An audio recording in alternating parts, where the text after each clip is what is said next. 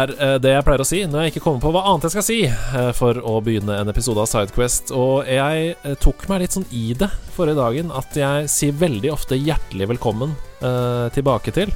Og jeg hadde lyst til å mikse det opp litt, så det ble en volare her i dag. Eh, tusen takk for at du hører på. Det er koselig. Håper du ikke har skrudd av selv om du fikk en volare i øret til å begynne med i episoden.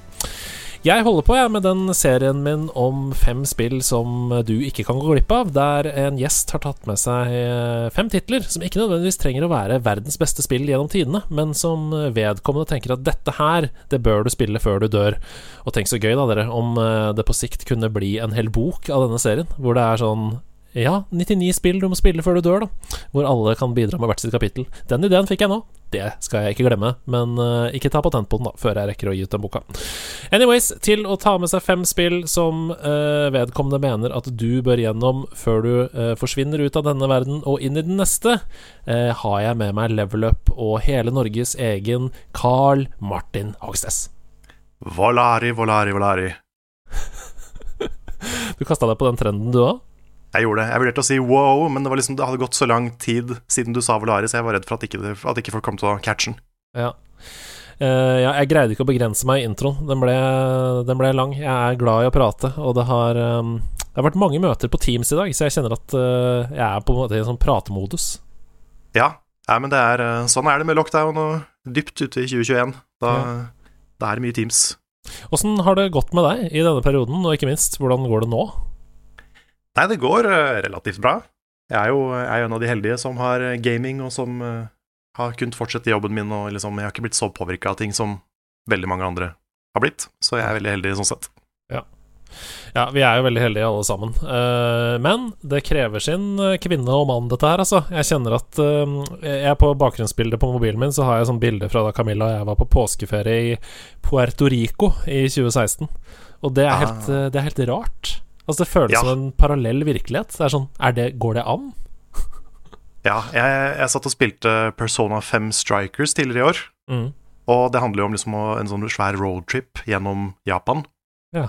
Og da satt jeg og tenkte på liksom alle roadtripsa jeg skulle ønske jeg kunne ha med venner og sånn. Mm. Det er sånn Det er det som er Det er det jeg merker mest. Sånn er det å treffe folk, det å henge med gode venner og mm. det, det, er et savn, ass. Ja, nå skal det ikke bli kjempedark her. Vi skal jo selvfølgelig si at uh, vi er heldige som har hverandre digitalt og kan møte hverandre digitalt, men jeg føler litt på sånn eksistensiell krise innimellom, også, som er sånn eh, Livet mitt passerer utenfor vinduet mitt mens jeg sitter her inne. ja, det er, uh, Uff, det er liksom rart at uh, over et år av livet liksom bare har forsvunnet ned i et sånt sort lockdown-hull. Ja. Men Nei, eh, man får gjøre det beste ut av det. Ja, man får gjøre det beste ut av det. Og så er det viktig at hvis vi uh, får barn og barnebarn på et tidspunkt, noen av oss, så må vi huske på alt som har skjedd, sånn at vi kan fortelle dem viktigheten av å være sammen. Ikke sant? Ja, fordi nå har vi også ting å fortelle barnebarna. Det er akkurat det vi har! Dette er vår mm. verdenskrig. Ja, det er det. Ja. Pluss at vi, husker, vi så vidt husker en verden før internett. Det er også en sånn kul ting. Ja, det er sant. ja. Eh, ja, altså, ja, vi husker jo til og med en verden før mobiltelefon. Det er jo det som er sjukt. Jeg husker en verden der jeg måtte gå til naboen og ringe på døra for å se om de var hjemme. Så du, gammel. Yes. Dette blir digresjoner på digresjoner, men det er fordi vi syns det er så gøy å prate sammen. Um, mm. Du har jo tatt med deg fem spill hit i dag. Uh, er det noe sånn overhengende tema? Er det liksom noe du har tenkt for de fem spillene? Ja, jeg har ikke valgt uh, på en måte de fem uh, favorittspillene mine. Nei. Jeg har tenkt litt annerledes. Jeg har tenkt på spill som er ganske, ganske moderne. Kommet ut uh, i nyere tid, liksom. Mm -hmm. og som jeg mener er minst like bra å spille nå som de var da de kom. Ja. Så det er på en måte spill som jeg anbefaler folk å bare plukke opp. Ikke sant. Alle disse fem noe... spillene har holdt seg, liksom, hvis du plukker opp i dag. Ja. Så det er ikke noe nostalgi i bildet. Jeg har prøvd å liksom legge det vekk. Um, og det er ikke noe gamle spill. Det er ganske, ganske nye ting som finnes på nye eh, konsoller og PC. Så deilig. Da blir dette rett og slett en ekstremt forbrukervennlig episode. Uh, alle, disse, alle disse spillene er sikkert også relativt billige nå. Uh, jeg vet at i hvert fall ett av dem er på 20% fordi uh, Det skal vi snakke om når vi kommer dit. Men uansett, jeg har uh, sortert spillene i kronologisk rekkefølge. Det vil si Ja. at vi begynner med det eldste, og da skal vi tilbake til 24. mars 2015. eh, og et spill som jeg er sikker på at Carl hadde gleda seg eh, skikkelig masse til da det kom. Det er selvfølgelig action-RPG-spillet av From Software, Bloodborne.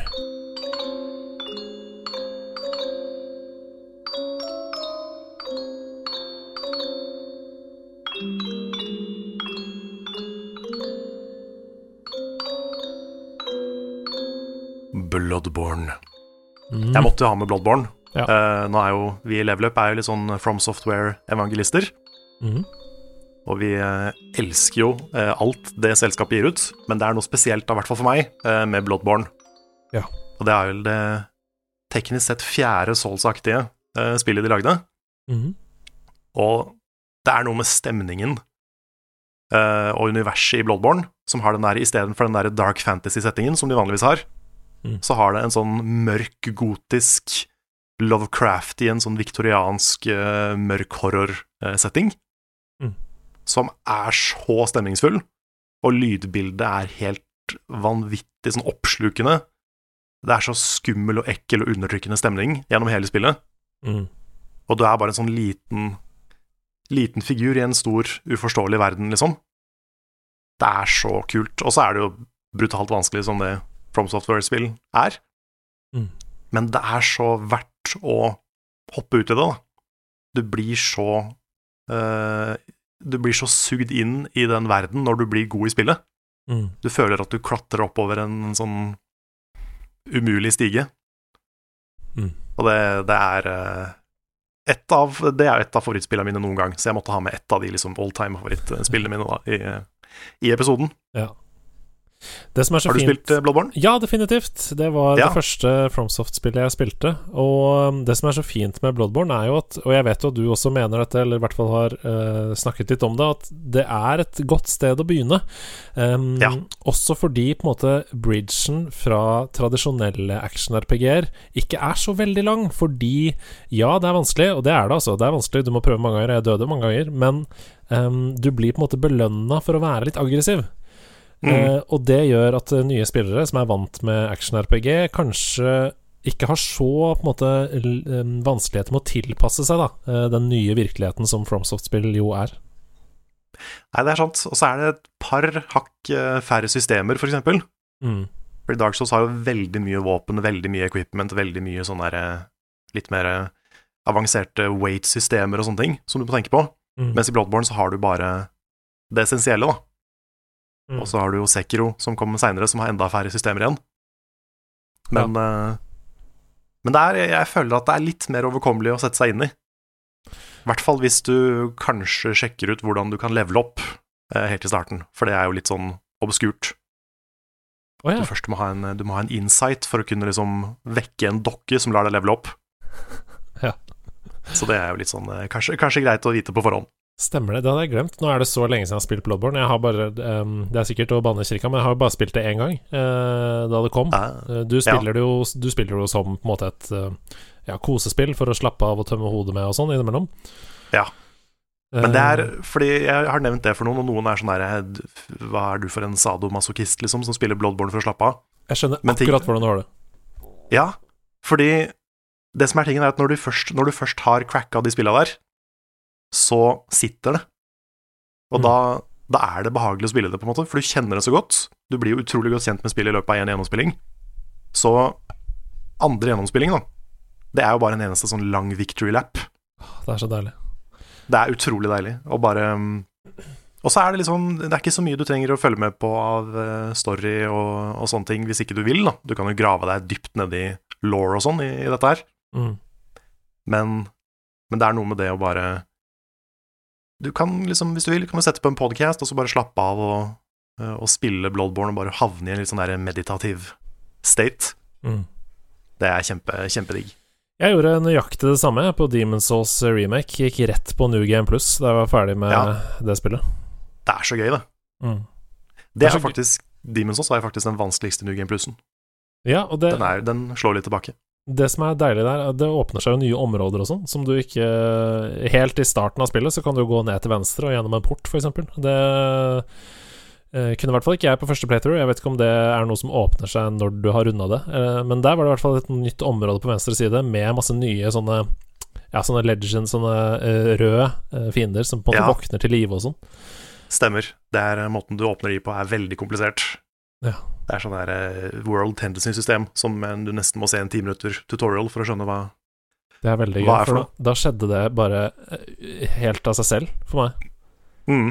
Uh, for jeg, altså Det eneste jeg gjorde i Demon's Souls Nå skal vi ikke snakke masse om dette, men det var jo bare at hver gang jeg uh, tok en boss, så uh, gikk jeg tilbake og drepte meg selv, altså hoppa ut for, i Nexus, da, sånn at jeg alltid spilte som Soul. Ja, ja, ja. ja. For det da får du jo helt aktivt. Ja, da får du helt sånn white tendency, som det heter. Og Mm. da åpner det opp en del sånne hemmelige veier. Mm. Så det er, eh, det er kult. Perfekt. Eh, vi kunne jo snakka masse opp og, og ned om dette spillet, men jeg tror at de fleste kjenner det eh, fra før, så hvis det ikke er noe du har lyst til å legge til, så kan vi gå videre til neste. Det, det kan vi. Det eneste jeg vil legge til, mm.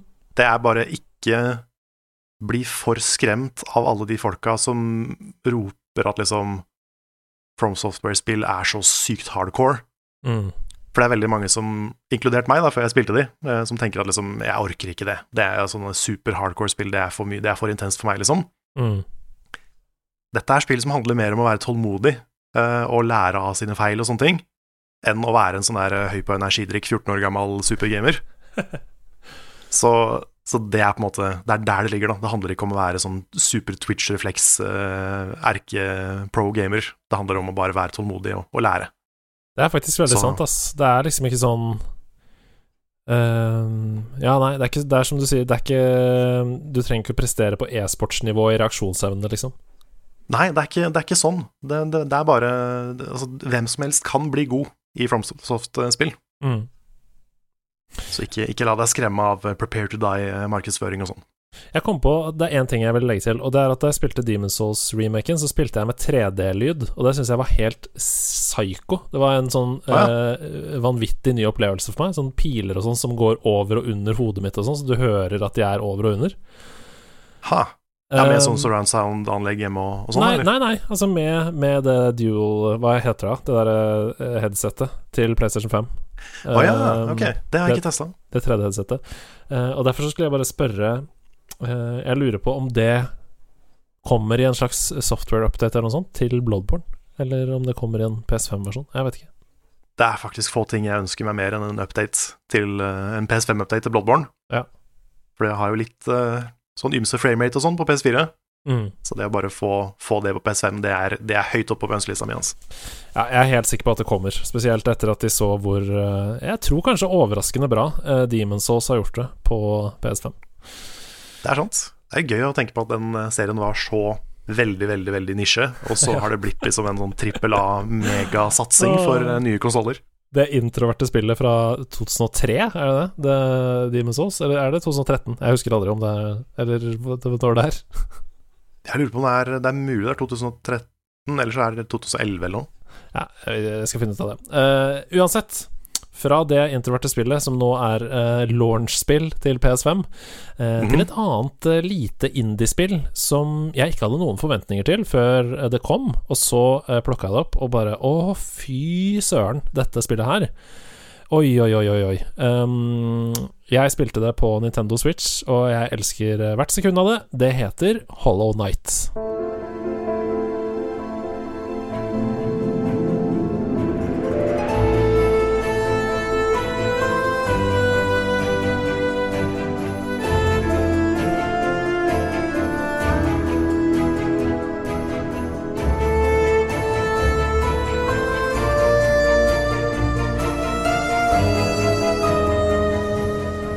Hollow Night.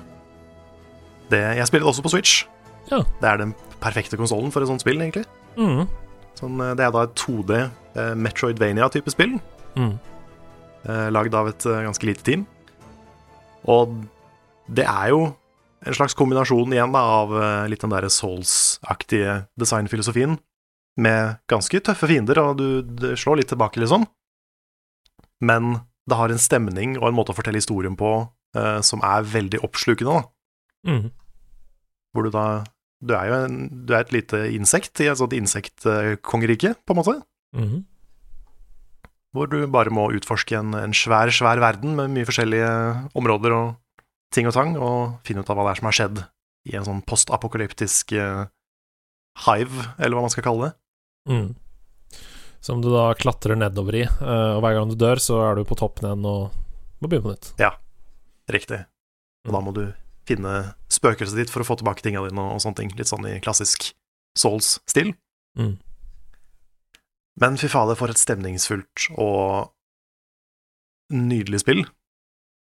Absolutt. Det, det har altså Det er vanskelig å snakke lenge om det, fordi det er, det er nesten lettere å vise det fram. Ja. Men det har en sånn Musikken og alt er liksom Det er sånn pakke av et dritbra spill. Jeg, jeg mener det er det beste sånn Metroid-style-spillet jeg har spilt noen gang. Ja, det er absolutt helt der oppe. Jeg syns det er så vanskelig, for det har kommet så mange gode uh, i det siste. Jeg, jeg likte også veldig godt uh, Dead Cells. Uh, Ja, Dead? Cells er amazing. Ja, så det er og jeg Ori-spillet, altså. Ja, ja, og ikke minst Ori-spillene, som er helt Altså, jeg begynner å grine bare jeg snakker om det. Så, men, men ja, Hollow Knight um, eh, Det som er fint med det, er at for meg så Jeg, jeg ble aldri stressa av å spille Hollow Knight. Nei. Eh, men noen sånne spill, f.eks. Dead Cells, da, kan jeg noen ganger bli litt stressa av. Fordi Mm. det er liksom hype, eh, høyt tempo, og du må videre, og du føler at uh, Ja, du, du lever på en knivsegg, og du holder på å dø og sånn. Men i Hollow Knight så er det litt sånn Det er fravær av musikk innimellom. Det er litt sånn stille. Du er ofte litt sånn Du er mye alene, føler jeg. Um, Mm. det, det, solitude er det beste ordet jeg kommer på, og det syns jeg ikke har noen god oversettelse uh, til norsk. Nei, jeg skjønner hva du mener. Mm. Nei, men det er noe med det. Det er et sånn stille uh, Igjen veldig sånn introvert spill, da. Mm. Hvor du uh, Fordi Dead Cells har jo den der superkjappe action-kampsystemet med Mhm. sånne rogue-elementer, og hvis du dør, så må du helt tilbake til start og mister Ja. alt, på en måte. Mens her så er det sånn Det er ikke så farlig å dø, du må bare utforske litt, og kanskje du skal dit, kanskje du skal dit. Du må bare utforske litt og finne ut hvor du, hvor du skal gå. Mm. Så det er et mye roligere spill, selv om det har intens combat og veldig kule bosser og sånn også. Ja, fordi det er jo sånn plutselig så forandrer det seg veldig eh, når du kommer inn til Ja, det er jo ikke noe spoiler, vi kan bare si eh, En av de første store bossene heter The False Night, som er en svær, Mm. sværing med en svær klubbe i hånda. Uh, og det er sånn veldig temposkifte, da. Uh, Ja. Fra den stillheten vi snakker om, til at det plutselig bare Wow! Der er det en svær dude som dundrer løs på deg med en hammer, liksom. Mm. Eller en klubbe, eller hva du skal si. Ja. Så er det litt sånn derre Nesten litt sånn Tim Burton-horror over det. Absolutt.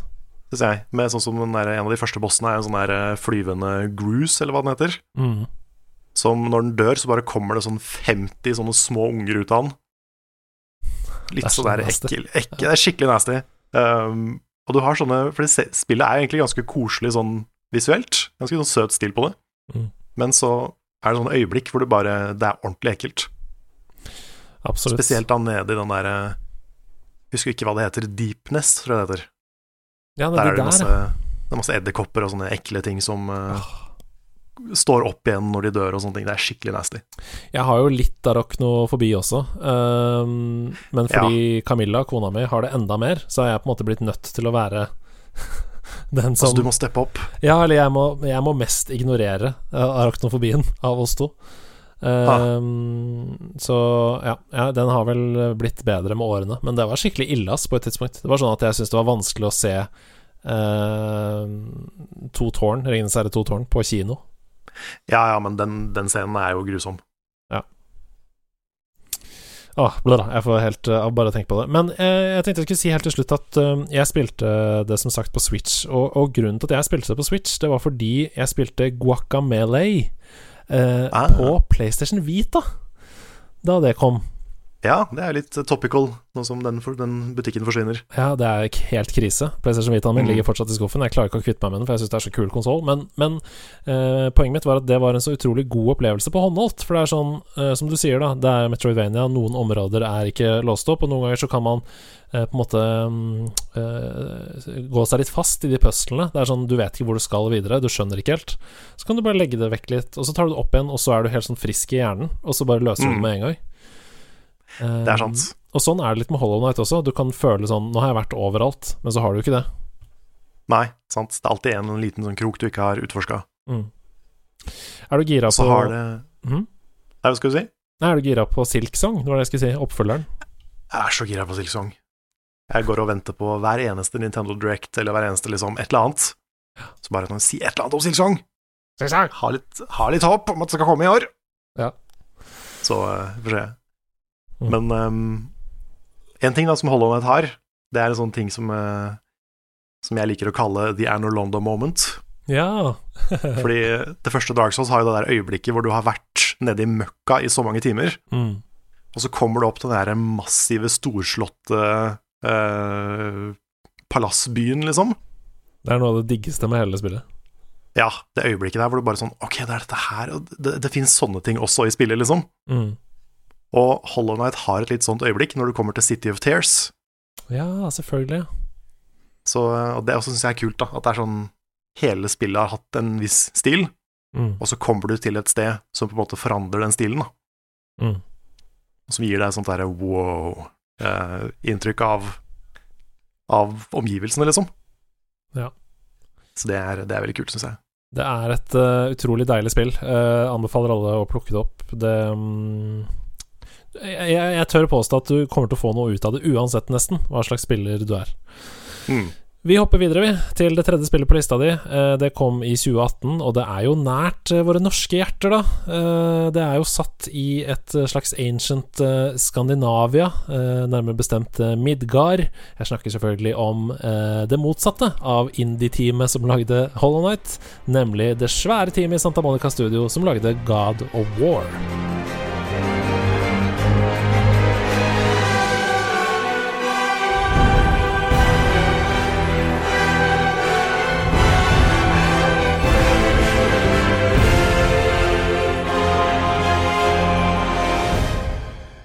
God of War. Mm. Jeg spilte nylig gjennom God of War på høyeste vanskelighetsgrad, så det er derfor jeg hadde lyst til, lyst til å ha det med. Ja. Give, det give me God of War, er det den heter? Ja, Give me God of War. Ja. Og det spillet er så vanvittig bra. Det er på en måte Kanskje det jeg vil si er de siste sånn tre-fire åra sitt beste spill. Mm. Det er få ting som, som klarer å måle seg med, med det for meg, da. Med liksom historien og med rollefigurene og combaten og alt. Hele pakka er så bra. Ja. Det er bare et sånt gjennomført, fantastisk eh, spill. For meg er det perfekt. Jeg har ikke Mm. Jeg har ikke én ting å utsette på det. Og det er veldig veldig sjelden at jeg opplever spill hvor jeg føler sånn Ja, jeg har, som sagt, jeg har ingenting å utsette på det spillet. Jeg, jeg kan egentlig ikke skjønne sånn ehm, øh, Ja, det kan jo være hvis man ikke liker den sjangeren, liksom. Men hvis man, hvis man liker den sjangeren, så kan jeg ikke se at det er noe som man, øh, i hvert fall objektivt, da, kan utsette på det spillet. Nei. Nei, fordi i starten så tenkte jeg at dette virker veldig lineært, men det blir jo mer åpent etter hvert i tillegg, ikke sant? Ja, jeg syns det er liksom en du- perfekt kombinasjon av lineært og åpent. Ja. Det at liksom vannet senker seg, og du får tilgang til liksom hele mappet, da. Mm. Og da kan du følge historien, eller du kan gjøre 40 andre ting. Mm. Og det er så, det er så smart spilldesign, sånn gjennomført. Pluss at jeg har jo ikke noe særlig forhold til uh, de gamle God of War-spilla. Jeg, jeg, jeg, jeg har ikke spilt noen av de, men jeg har sett liksom, jeg har fått med meg litt av historien og, og sånn. Mm. Og det God of War har gjort med Kratos, da, det nye God of War, Mm. det er så utrolig genialt, syns jeg. Ja, og imponerende. Uh, Ja. Man kan så fort gå seg fort i et spor uh, Nei, fast i et spor når man har Mm. eh, jobbet med en karakter lenge. Det er sant. Han har liksom bare vært en sånn, et sånn symbol på sånn der sinna rage macho-energi. ja. Og så kommer da det spillet her, hvor han har traumer fra fortiden sin og skal prøve å oppdra et barn til å ikke bli som han. Det er så, det er så sterkt, da. Det er kjempesterkt, og likevel så greier de å ikke gå i den fella, da, som er liksom å gape over for mye for fort for karakteren. Mm. Fordi da blir det ikke troverdig, ikke sant? Eh, men jeg opplever det så supertroverdig, da. Uh, det Kratos uh, opplever i God of War 2018. Mm. Ja, det er sånn det får meg til å ha lyst til å se det, fra, se det i flere characters, på en måte. Mm. Sånn der, kanskje, kanskje et spill hvor Duke Nukem konfronterer hvordan han har behandla damer. Det er fantastisk! det, det, er sånn, det er noe der, da. Det er, det er kult å se på en måte spillfigurer vokse opp, Oi, på en måte. Det er fantastisk. Fetter Anton som tar et oppgjør med eh, nonchalante livsstilen. Ja. James uh, Bond som bare reflekterer over metoo. Det er så mange sånne ting som liksom Man kan prøve å bare ta karakterer med til neste steg av livet sitt, da. Wow. Det er, det var- er noe der som er veldig spennende. Det var veldig gøy å tenke på. Kirby, som uh, tenker over alt uh, han har spist. Eller Ja. eh, hen. Jeg vet ikke hvilket kjønn Kirby er. Nei, jeg tror Kirby er han, men det er mulig det er hen. Ja, Jeg er ikke. helt sikker. Men, men ja, at Kirby konfronterer liksom gluttony. Oi, det er gøy. Det er veldig gøy. Jeg, jeg, Mm. Når jeg spiller det, så altså jeg ble så voldsomt inspirert av å spille det spillet. Vi, både du og jeg jobber jo på en måte med historiefortelling i ulike kategorier, på og av, liksom. Mm. Uh, og jeg tror at hvis du jobber med noe kreativt òg, da, eh, og spiller det spillet, så det, det er helt umulig å ikke bli inspirert, liksom. Det er det. Mm. Og og det, de kunne jo lett laga bare enda et God of War, liksom. Enda et uh, Kratos er sinna og dreper guder-spill. Mm. Men så er det så utrolig mye mer, og Ja. så modent, og så er bare, Jeg blir så imponert, altså. Det er sånn ordentlig inspirerende. Det er så deilig endgame også. Eh, Ja. det, det, det trodde jeg ikke at skulle være Jeg trodde ikke det skulle være noe endgame. Jeg, jeg var helt eh, klar for at nå er det rulletekst, og da er det over, og så kan jeg eventuelt uh, gjøre noe sånn sikkert litt døve uh, collectable-ting for å få platinum, men uh, så feil kan man ta. Ja, den tok du Sigrun-fighten? Ja. Ja, det er en kul fight, ass.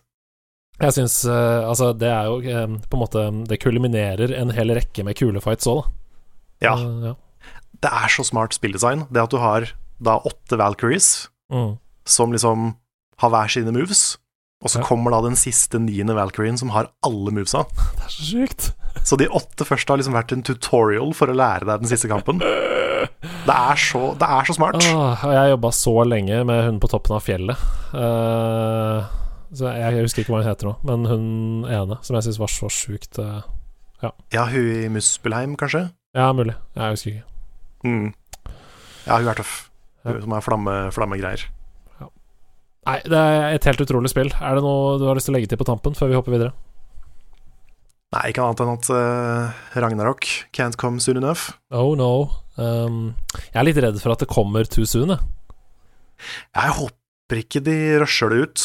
Nei, sånn at de får beskjed om å rekke holiday season 2021, for eksempel, og så er det sånn Ja, ok Altså, ja, jeg håper ikke det. Jeg håper liksom at Sony, eller hvem enn som rusher de, skjønner at det forrige spillet var så bra, og da er det viktig at de får 10 til å gjøre det andre Ja. like bra, da.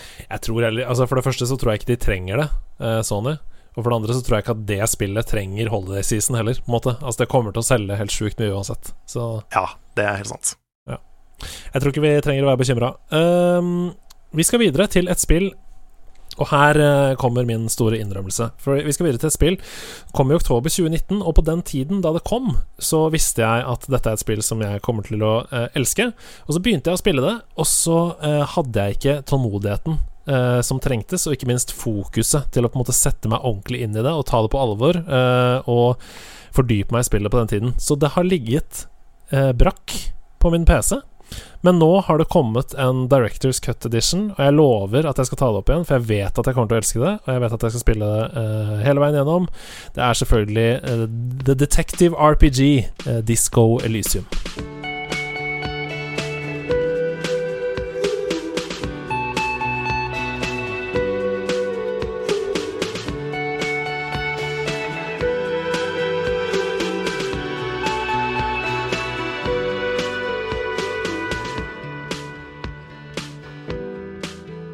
Yes.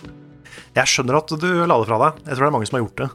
det er jo et veldig, veldig veldig tungt spill i starten. Mm. Veldig mye tekst. Det er, eh, det er ganske overveldende de første timene, Absolutt. med alle systemene og alt, alt som skjer. Eh, Pluss at det er jo et veldig sånn mørkt og dystert og eh, sånn kjipt, eh, fælt univers i tillegg. Så det er ikke Mm. veldig sånn eh, tiltalende å tilbringe masse tid der. Nå tror jeg jeg ser for eksempel, forresten en overhengende arch for alle eh, spillene du har tatt med. Ja, det, det- var egentlig ikke med vilje, men det Det er tålmodighet. ja. hmm. Jeg trodde du skulle si dystre verdener, jeg nå. Men Ja, ja, men det er det også. Fordi det tenkte jeg på Ja. eh, Da jeg så coverene ved siden av hverandre mens jeg holdt på å forberede denne episoden, så tenkte jeg også Oi, shit, det er dystre verdener, ja. eh, I alle sammen. Tenkte jeg også på. Men tålmodighet, kanskje med unntak av God of War, da, så er tålmodighet kjempeviktig i alle spillene.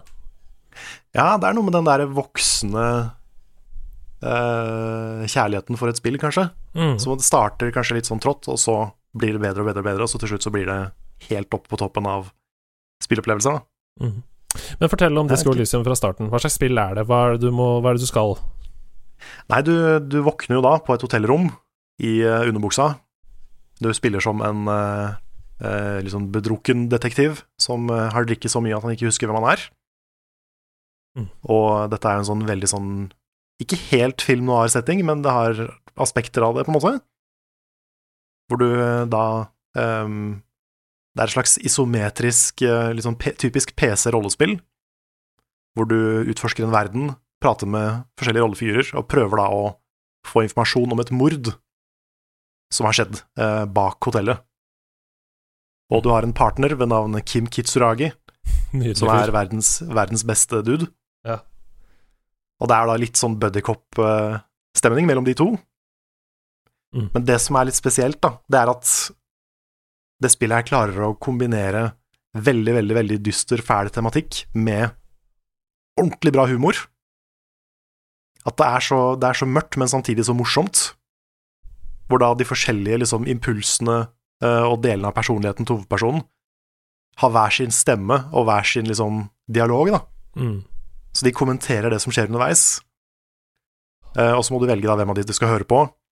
Du har et sånt Dungeons and Dragons eh, terningssystem, hvor du eksempel møter på en skikkelig rasist, og så kan du flying-kicke han i trynet hvis du vil. Men da må du, da må du gjøre liksom en sånn check, da, for å se om du får det til. Og hvis ikke, så bare snubler du. Og det er flaut. Er når du skal flykicke en rasist. Yes, så det er ganske pinlig. Og det, det blir jo også veldig morsomt ofte når du feiler. Sånn som eh, den, En av de første tingene du kan gjøre, det er å prøve å flørte med en dame som står utafor hotellrommet. Mm. Og hvis du da feiler den flørtechecken, så sier han 'I want to have fuck with you'. Og så bare går hun. Så det er sånne ting, da. Så til og med når du ikke får det til, så er det gøy. Å, det er perfekt. Å, det er gøy. Det er Mm. som en skikkelig god DM i, Dun i Dungeons and Dragons. Ja. Det er, det er litt sånn. Så um, Men Jeg jeg har, er i, jeg har hørt at i den um, final cutten som har kommet nå, så er også alle de stemmene som du snakker om inni hodet, voisa. Ja. Jeg tror hele spillet er voisa, så vidt jeg har hørt. Mm. Det er, Det er jo kjempekult, for da slipper man jo det, det er jo noe som krever mye tålmodighet, det å lese all den teksten. Ja. For det er veldig, veldig, veldig, veldig mye tekst.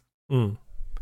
Men uh, det er få spill som har så bra dialog og så bra manus som Disco Elysium også. Mm. Det er nok kanskje det spillet jeg har spilt som er best skrevet. Det kunne vært en ordentlig bra bok, liksom. Så Um, um, ja. Er det Jeg har med vilje prøvd å unngå informasjon om det spillet, fordi jeg vet at jeg um, kommer til å digge det. Um, men er det én hovedhistorie, uh, eller er det masse Eller en del sånne sidequests som er av kortere karakter i tillegg? Det er litt begge deler, Mm. eh, men det er det mordet, på en måte, er hovedhistorien. Mm. Som eh, begynner da med en, eh, en person, et, et lik som henger i et tre, og så må du gå derfra og finne ut hvem som har gjort det, hvem er disse folka som bor i byen, hva slags forhold har de til hverandre, hva er de underliggende politiske kampene i den byen her, Mm. mye sånne ting. Um, men det er det som på en måte er hovedhistorien, og så har du andre ting som også påvirker den historien, da. Mm. Sånne sideting som bare plutselig Oi, så plutselig dukka det opp i hovedhistorien. Det trodde jeg ikke var relevant i det hele tatt, men så er det det. Mm. Og um, det er også veldig morsomt hvordan du kan forme han hovedpersonen, uh, Harry Dubois, som han heter. Mhm. som er jo en sliten fyr med sånn uh, Hva heter det? Hva heter det, den skjeggtypen? Sånn um, mutton chops, eller noe sånt? ja, med bart, også barbert eh, hake. Ja, stemmer. Eh, veldig sånn der 80-talls uh, sliten cool guy, liksom. Mm. Han Um, er liksom basically Varg Veum Altså alkoholisert uh, detektiv, liksom. Ja, på en ekstra dårlig dag, liksom. Ja, ja. Um, og han er så sånn Han har en personlighet samtidig som han kan forme den ganske mye, da. Mm. Han, liksom, han kan jo uh, være hvor som helst på det politiske spekteret. Eh, Han kan være hvor som helst på uh, hvordan han behandler andre mennesker, um, og sånne ting. Og som det er veldig um, ha- ha- Veldig tidlig i spillet så kan du gjøre han til kommunist, for eksempel. Ja. Og så snakker måten han snakker med folk er liksom superkommunistisk, da. ja. Og det er gøy. Um, samtidig som alt på en eller annen merkelig måte er veldig troverdig, da. ja, Så de det klarer, uansett hvordan du former han, så blir det på en måte Det er riktig. Ikke sant. Nei, det har jeg også hørt at i den uh, Final Cut-versjonen så legger de til mer innhold, f.eks. da fire eh, En liten hovedhistorie på ca. 40 minutter som kan på en måte gå i fire ulike retninger, eh, avhengig av hvilken politisk eh, linje du har valgt. Og da får du bare oppleve den ene, så må du eventuelt spille gjennom på nytt for å oppleve de andre. Ja, kult. Det er veldig kult. Nei, det her er et ti av ti-spill, altså. Mm. I hvert fall så fort man kommer ordentlig inn i det og skjønner hva som er greia, og hvorfor det spillet er bra, så da kommer man til å kose seg, altså. Jeg så IGN ga det 9,6 av 10 originalt, og løftet det til 10 av 10 da, med The Final Cut. Uh, Eh, Så det er jo ikke at man skal høre på IGN som en uh, fasit på alt, fordi spill er subjektivt, uh, som vi prøver å preache så ofte vi kan. absolutt. Men én ting som jeg har vært litt sånn uh, bekymra for, det er For jeg er veldig glad i skill trees og sånn. Jeg har alltid vært. Jeg liker det Første gang jeg virkelig ordentlig falt for det, var vel i Skyrim, tror jeg. Da ble jeg sånn OK, this is it. Mm. Uh, elsker det. Uh, men jeg, jeg, jeg føler at det kanskje er Er det for mye Ja, jeg er litt redd for at det er så mye i Disco Elysium. Ja, du får, ikke, du får liksom ikke maksa ut alt. Nei. Det er veldig, veldig mye Du må på en måte velge hvor du skal være, da. Mm. Og det du leveler opp i Disco Elysium, er jo ting som empati ehm, og uh, intelligens og sånne ting. Evnen til å eh, sette sammen et mysterie. Mye forskjellig. Ja. Eller fysisk uh, styrke og sånne ting. Og du må på en måte velge hva du skal dedikere deg til, da. Ja. ja, fordi her er Alle har sine bonuser og svakheter. For det er akkurat det. Her er min store bekymring med, med dette spillet. Og det um, Jeg er ikke noe redd for å uh, ta feil. Nå skriver jeg sånn gåseøynesymbol her. Ta feil, Fordi jeg tror ikke det går an å ta feil uh, spekkmessig.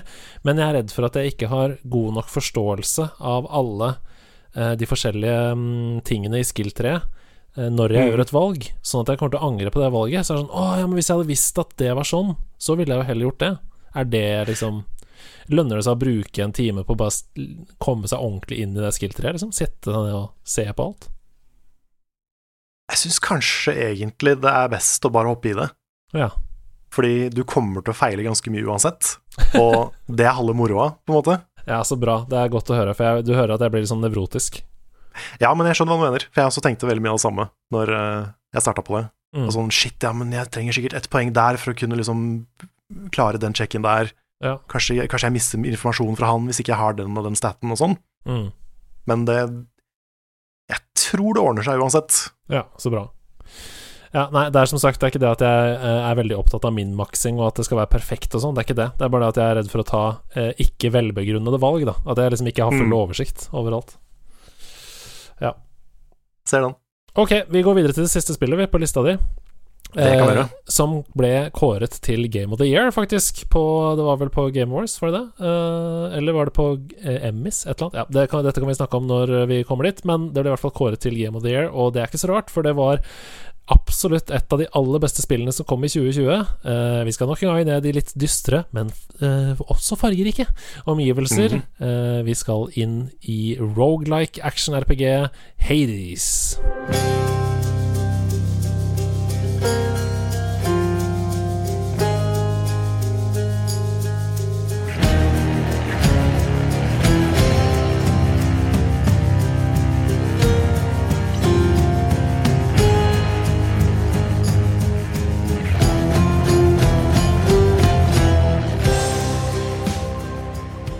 Hades. Har du spilt eh, Hades? Oh yes, jeg runda det til og med. Ah, nice. Eller, jeg har ikke runda det. Jeg har ikke 100% av det med alle våpen og sånn, men jeg har, jeg har kommet igjennom. Ja, kult. Ja. Det, det er også et sånt spill som jeg bare forelska meg i i fjor. Mm. Som eh, Fordi i utgangspunktet så er jeg veldig glad i rogelight-sjangeren. Mm. Jeg hadde jo Dead Cells som favoritt-rogelight-spill um, fram til Hades kom. Ikke noe dårlig valg. Men nå har liksom Hades tatt over den, da. Mm. Fordi eh, jeg syns det er så perfekt løst, liksom. Ja. Men at uansett om du dør, eh, som du jo gjør ganske mange ganger, ehm, midt i et run, så får du mer historie, du låser opp nye ting. Det er alltid en veldig sterk følelse av progresjon, da. Mm. Og da blir det å liksom dø på veien bare en del av å fortsette på spillet. Mm. Og du får jo nesten mer Ja, og du får nesten mer story av å dø på veien enn å ikke gjøre det. Mm. Så du Eh. blir så godt kjent med karakterene og i det hele tatt. Jeg eh, spilte det helt utrolig mye i jula, um, og jeg er veldig enig i det du sier, at det gjør uh, virkelig Det er kanskje en klisjé, men det gjør virkelig ingenting å dø, da. Um, Nei, det gjør ikke det. Det er gøy å spille spillet uansett, og kanskje den største feilen man kan gjøre, som jeg faktisk gjorde eh, de første timene, det var å At jeg liksom Jeg fant en eh, Hva skal jeg si Spillestil eller sånn upgrade path da som jeg syntes var eh, kul, og så låste jeg meg Mm. altfor mye i den. Ja, sånn, ja. Istedenfor å prøve forskjellige nye ting, og prøve forskjellige våpen og sånn, som jo er Mm. virkelig måten å spille det på, da. Selvfølgelig, man kan spille det akkurat sånn som man vil, selvfølgelig, men uh, jeg tror du får mer ut av det hvis du virkelig Hvis du tør å prøve litt forskjellige våpen og litt forskjellige ja, upgrades og sånn. Ja, det er sant. Det er jo et spill som oppfordrer veldig til det også. At du Mm. får forskjellige bonuser av å bruke akkurat det våpenet på det runnet og, og sånn. Mm. Og eh, det er jo så mange upgrades også, ja. som har sånn kul synergi med hverandre og, og sånn. Ja. Sånn som eh, du kan jo få en sånn laser som hvis du får den ene guden til å bøffe den andre sin ting, så blir den laseren dobbelt så kjapp og enda lengre, eller og varer liksom enda lengre. Mm. Og da er den supersterk. Altså Det er så mange kombinasjoner av ting, da. Og det er sjelden du på en måte kan gjøre noe feil. Nei, det er veldig sant, og det er så utrolig gøy gameplay. Altså, eh, selv om det er eh, hektisk og kaotisk og sånn, så føler man hele tiden at man har oversikt og vet hva man driver med og sånn. Um, Mm. Du kan til en viss grad komme deg av gårde ved å button-mashe deg i vei, men, men du trenger ikke det, da. Og du eh, vil virkelig komme deg lenger hvis du ja, Hvis du bare lærer deg det Ja, det som eh, spillet vil at du skal lære, på en måte. Mm. Det er sant. Og så ble jeg veldig glad i rollefigurene og eh, voice acting og musikk og altså hele den pakka der også, da. Mm. Det er en så kul verden, og så kule characters. Mm. Det er veldig tredimensjonelt, eh, og det er veldig gøy eh, relasjonen dem imellom også. Selv om de veldig sjelden er på samme sted samtidig, så er det på en måte en slags Mm. sånn baksnakking hele tiden. Ja, det er det. Det er det. Ja, det er. Det er jo, handler jo om greske guder, og de har jo ganske, ganske oppblåste bilder av seg sjøl, Mm. alle sammen. Så hvis du velger en over en annen, så får du høre det. Vi hadde besøk av eh, Jenny Jordal, som er tegneserietegner i nederlandslaget, for et par uker siden, og da Ja, Eh, og da fortalte hun at hun gikk fra Immortals Phoenix Rising og rett over til Hades. Eh, ah, det er gøy, for det er jo de samme gudene. eh, Ja, litt forskjellige bilder av dem. Det er akkurat det, og det er så deilig sånn kunstnerisk frihet um, Mm. eksempel på at uh, ja, historien ligger der, men man kan jo trekke det Man kan jo velge å fokusere på hvilke egenskaper man vil, selv om det er samme karakter. Mm, det er sant. Har du noe favoritt eh. Har du noe favorittområde fra Hades? Altså, er det en liksom level som du liker best, både sånn utseendemessig, men ja, alle ting, da? Det er kanskje Elysium, Mm. sånn visuelt i hvert fall. Ja. Selv om det er noen ganske kjipe fiender der, så er det I hvert fall hvis du, har en bra bild på Elysium og bare kan fise gjennom eh, romma der, så er det ganske gøy. Ja, jeg er enig. Jeg, um, I starten så var jeg frustrert over den uh, lavaverden, som jeg ikke husker hva heter. Ja. Asphodel, er det det? Ja, Asphodel, da, kanskje. Uh, men etter hvert så lærte jeg meg å like den veldig godt. Uh, jeg ble liksom glad i, glad i den. Vet ikke mm. hvorfor. Mm. Nei, det er et prima spill, altså. Ja, det er prima spill, og det er så kosespill òg. Det er så lett å bare Mm. plukke opp og ta et run eh, og fortsette med livet etterpå. Um, Mm. Og nok et kjempegodt eksempel på et eh, utrolig bra Nintendo Switch-spill som hvis jeg skal være ærlig, da hadde, Jeg hadde aldri trodd, eh, da jeg vokste opp med Nintendo, at denne type spill skulle være på Nintendo i fremtiden. Nei, den, den ser jeg. Men jeg også spilte det på Switch, ja. Det er, det er sånn perfekt til den konsollen. Mm. Eh, mitt første møte med denne type spill var jo eh, Bajonetta. Å ja. Som jo også er Altså, det er jo litt annerledes, da. Det er jo beat em up, liksom. Eller eh, ja, sånn som Nier Automata. Men um, eh, det er jo mye fellestrekk der også, i hvert fall i combaten. Um, og det var jo også på Nintendo. Så jeg bare kom på det Mm. nå.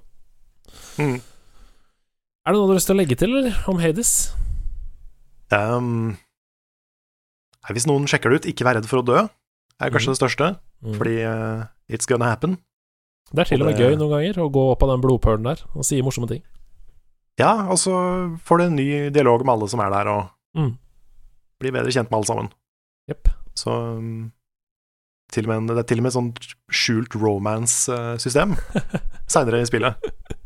Hvor du kan romance er vel to eller tre characters. Og uh, fiskeminispill er det etter hvert, da. Det, det, det kommer liksom mer og mer. Eh, så det er bare å, bare å spille det og dø masse, så kommer det nye ting. Det er deilig. Tusen takk for at du tok med deg eh, fem fantastisk fine spill som jeg er helt enig med deg i at har holdt seg så til de grader. Det er bare å plukke dem opp eh, alle sammen, og spillet som er på 20% rabatt på Steam nå, og på Good Old Games for så vidt, det er altså Disco Elysium, The Final Cut. Koster bare eh, 200 kroner, så plukk det mega opp med en gang. Kult, kult, kult. Vi snakkes liksom- neste uke, vi. Det gjør vi. Hva var det du skulle si? Jeg har Ja, nei, jeg skulle bare si at uh, jeg er vanligvis ikke den som tar med de mørkeste, dystreste spillene på sånne ting, men uh, jeg er liksom glad i Kingdom Hearts og Pokémon og Mario og sånne ting, men uh, det ble litt, ble litt sånne mørkere spill denne gangen her, altså. Ja, det er deilig. Det er sånn jeg liker det. Uh, neste uke skal vi snakke om noe som ikke er fullt så mørkt, uh, nemlig et spillselskap som eh, Ja, de slåss jo en del i det selskapet òg, da. Det blir gøy. Jeg gleder meg veldig. Si ha det til lytterne, da. Ha det.